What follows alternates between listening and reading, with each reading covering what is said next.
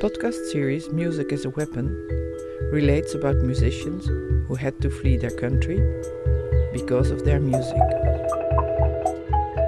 Part 7 How musicians stand up, get threatened, and use the power of their music. How Freemuse defends the musicians and their artistic freedom.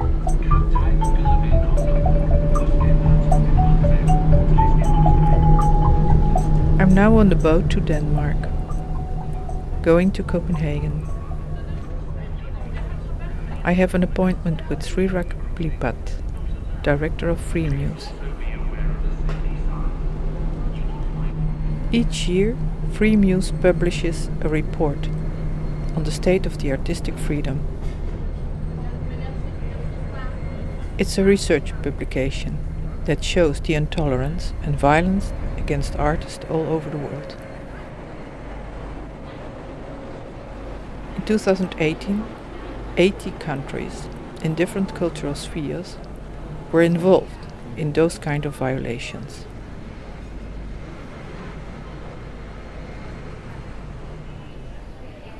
Diary note 7th of August 2019. Tomorrow I have to be quite in time at the appointment with Srirak Plipat, the Freemuse director. In my hotel, I ask for the metro to Freemuse. To my surprise, they know the organization. Quite nice, those Danish. Quite involved in human rights even here in the hotel. So that's about the downtown. Ah, that's only downtown. Yeah. Is it? Is it this Yeah. one for, you have the other one, and then I can see where the metro is. The Jemtelandsgade is that there? It's a not Freemuse. It's an uh, it's in the other part of the city, and then you go out on this uh, Amagerbro station, Okay, and then, and then you walk like yeah. Wait.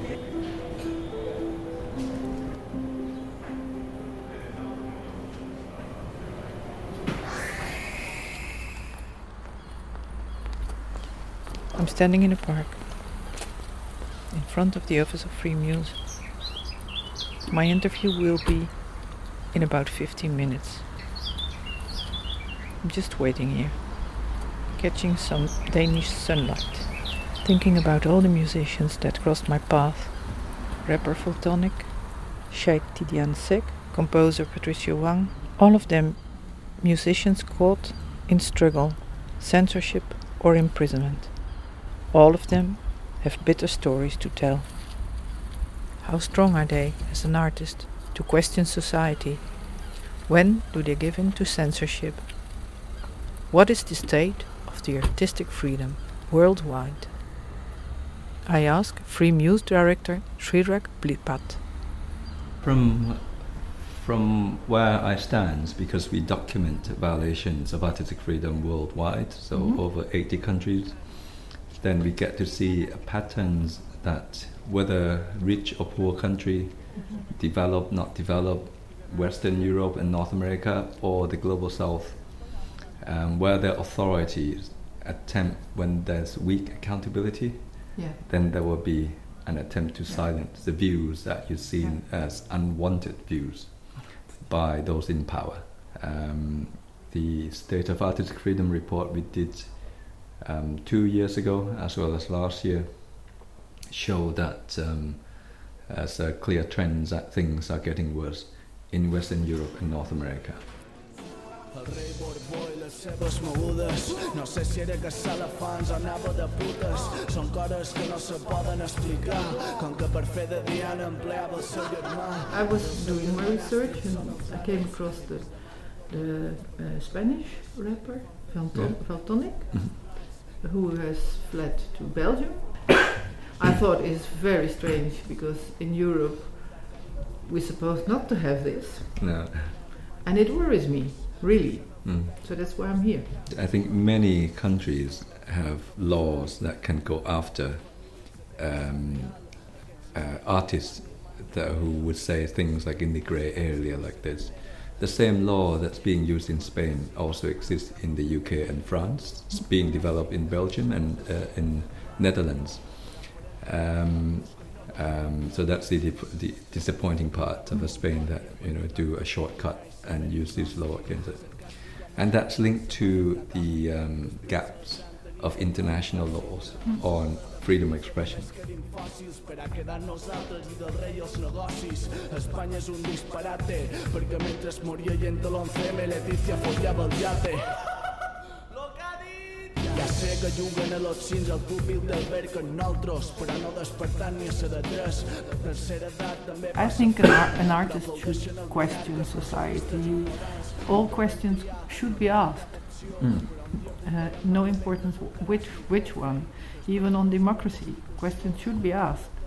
Um, that's the task of an artist. You don't sell your soul; you stay true to yourself.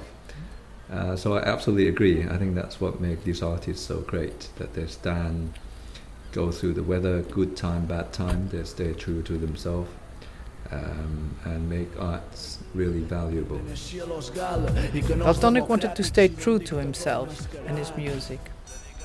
This stubbornness to create your own music had consequences. He had to go to prison for some rap songs. when you actually pass the tests of fire and water and all of the elements happening you throw at them, they resist all of us and and keep producing fantastic work. Absolutely agree. Um, so it's about art, it's about democracy, uh, it's about freedom of speech. Um, so art, can it be used as a weapon? Absolutely. I would probably say it um, uh, as a tool to achieve something, especially um, a very important vehicle for social change. And I think that's uh, in the context that you refer to. Um, every society um, are going through a change process, one way or the other. And music has always been um, with the society, uh, catalyze that change. They serve as a social change agent they carry messages and that's the, the powerful the power of music basically the ability to connect and convey messages uh, bring people to social change there'll be um, uh, music musicians who ask values that we live in and that's part of artist's job is to question values society live in um, and at times they're being hurt or being attacked because they're doing their jobs. And that's important for us also to actually stand up and defend their right to ask questions also. Diary note Summer of 2014. Paris. Cheikh Tidiane Seck is from Mali. At the end of the 70s, Cheikh opposed the first military regime in Mali and ended up in jail several times. Then he fled to Paris. He told me over the phone that Mali always has been a country of tolerance. If the priest died, the imam would come to the funeral. That's how it was in Mali. And now, it's completely different. He's very concerned about the situation in this country, Mali, now that the music in the north of Mali is banned. And that's what I want to talk about with him. I'm sitting in a small cafe, Rue de Bercy. This is where Cheikh Tidiane Seck holds office. Downstairs there's a small theater where he performs his music. And he lives upstairs. Cheikh calls himself the Black Buddha. And when he comes in, I smile. I see why. He looks like it. He's sturdy, with a full moon face that often laughs. He's a fiery man. He's a man full of passion for music.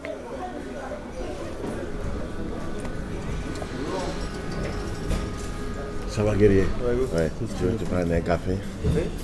Je m'appelle Cheikh Amadou Tidiane Sek, natif de Ségou, qui a bourlingué un peu à Bobo du Lasso et qui a grandi entre Sikasso et Bamako. Donc j'ai un côté Sikassois aussi.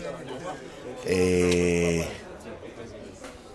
je suis esclave de la musique. Cheikh Tidiane Seck, he wanted to unite the people with his music. Mon dernier album s'appelle Guerrier. His latest album is Guerrier, Warrior, a title as a protest against all the violence. On hésitait entre Black Buddha, parce qu'on m'appelle plus souvent Black Buddha, Black Buddha. Mais euh, guerrier, pourquoi Parce que c'est revendicatif. He's a child of Bamako, where formerly Islamists, Christians, and people of animistic faith lived with each other and made music together. Cheikh believes in this society and is struggling against the harsh laws of the new Islam that forbids certain music to be played. Mali has changed. Cheikh says- beaucoup de choses parce que Yes, it has changed a lot. De militant tout court, euh, je, je dis non, non, non, It has become nous avons militant. besoin And I say no, no, no. We d'éduquer need education. les consciences We need pour consciousness. qu'il n'y ait pas d'esprit de vengeance. We don't need vengeance. Ancrer un socle de tolérance. We need to create tolerance in all of us. C'est ainsi seulement qu'on pourra mieux pardonner. We need to forgive that what happened and make sure it will not happen again. Et maintenant, alors, euh, la musique doit être une arme de réconciliation. Now, music can play a role musique doit porter in reconciliation. La cohésion sociale Ouais, ouais. que, Parce que qui a, c'est qui a des- The music will always bring a- qui a- qui a- social qui a pris cohesion. beaucoup de, de- de- de- Ça veut dire qu'on ne voyait jamais à Bamako parce qu'à Bamako, tu peux te promener jusqu'à 6 heures. Before. Personne It never happened in Bamako. You could walk until 6 in the morning and nobody would aggress you. The fear is a bad, is a bad, Yeah. uh, bad decision maker. Yeah, it's, it's why we have to be more strong.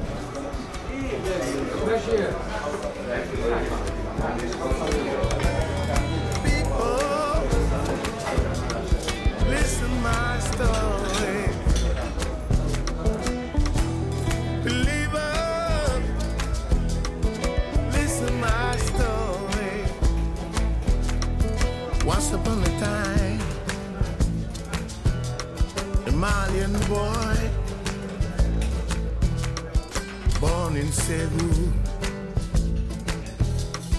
Cheikh Tidiane Seck loves being on stage. He loves his music. With more than four decades rocking it out, he shared the stage with world famous talents like Carlos Santana. But his true love is jazz. Here he's jamming at the Jazz Festival in Bamako that he himself created. Autrefois considérée comme la Mecque des musiciens, la célèbre scène musicale du Mali semble être déterminée à retrouver ses lettres Mali seems to recover the status of musical hotspot with the organization of the Bamako Jazz Initialement prévu l'an dernier, l'événement a été annulé suite à l'attaque par les islamistes d'un hôtel de Bamako. It was to be held last year, 27 personnes. but because of the attack on the hotel Bamako, it was postponed. In the attack, 27 people died after Islamists seized the hotel the 20th of November 2015. Now, Cheikh organizes the jazz festival in Bamako, in the south of Mali, because he wants to unite people with music. It's an act of a hero, a musical hero, because the famous festival Au Désert that was always held in Timbuktu can no longer be organized because of the Islamists. Masterclass Jam Session, sous la direction du maestro Cheikh Tidiane Seck, qui présentera en exclusivité son album Hommage à moi. Diary note 6th of December 2019. I read in a Dutch newspaper Mali is in mourning this year. There are more than 800 civilians killed, a third more than in 2018. Seven times more Malians fled for the violence as a result of the growing influence of the jihadists. The UN peacekeeping mission in Mali is one of the most dangerous in the world. That's what I read. So I understand Cheikh and his worries about the situation in Mali in 2019. Connection Cheikh makes with his music and his audience make those in power shiver. To me, Cheikh is a hero.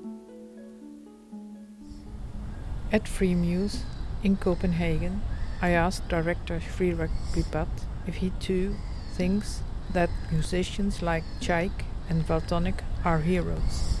Yeah, absolutely. I think that's take courage, you know, to keep on doing what you believe in and to say no to the pressure.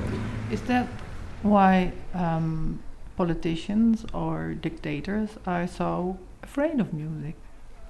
I think so. Um, I think the um, the ability to connect with people and take people even to go against, for example, some of the um, uh, the narratives that uh, governments or those in power might want it to be, because the ability to to ask questions, um, to tell a different story, to tell different narratives, not necessarily the mainstream, and so this these alternative narratives is also uh, count, and I think that's what make um, politicians very worried about um, uh, musicians and their power, basically, because of uh, the story that they tell. Um, so yeah, that's a, a very um, power of music where you can actually, you can say, use it as a weapon. It really can make lots of things happen. Yeah. Oui, l'exil. L'exil était en 79. Quand j'ai perdu ma fille à Setou. C'est dans le- Je vais vous amener l'album. In the 70s, when Cheikh was in exile in Paris, his daughter Asatou died. During that period, Moi, je dirais que on pourra toujours dire Ah, il n'a pas été célèbre. Mais nul ne pourra contester. Cheikh que je- je now says, la vie que je voulais. From all the music I created, hygiène de vie. Moi, je my song, euh, Asatou, is the only one that really matters. communiquer cela.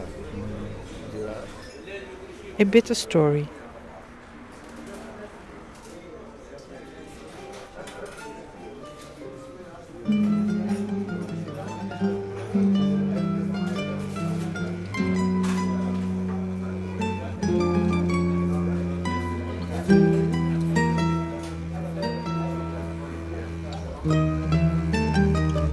Next time in Music as a Weapon, Part 8 How musicians in Europe suffer under Article 541, a legislation that gives too much space to censorship.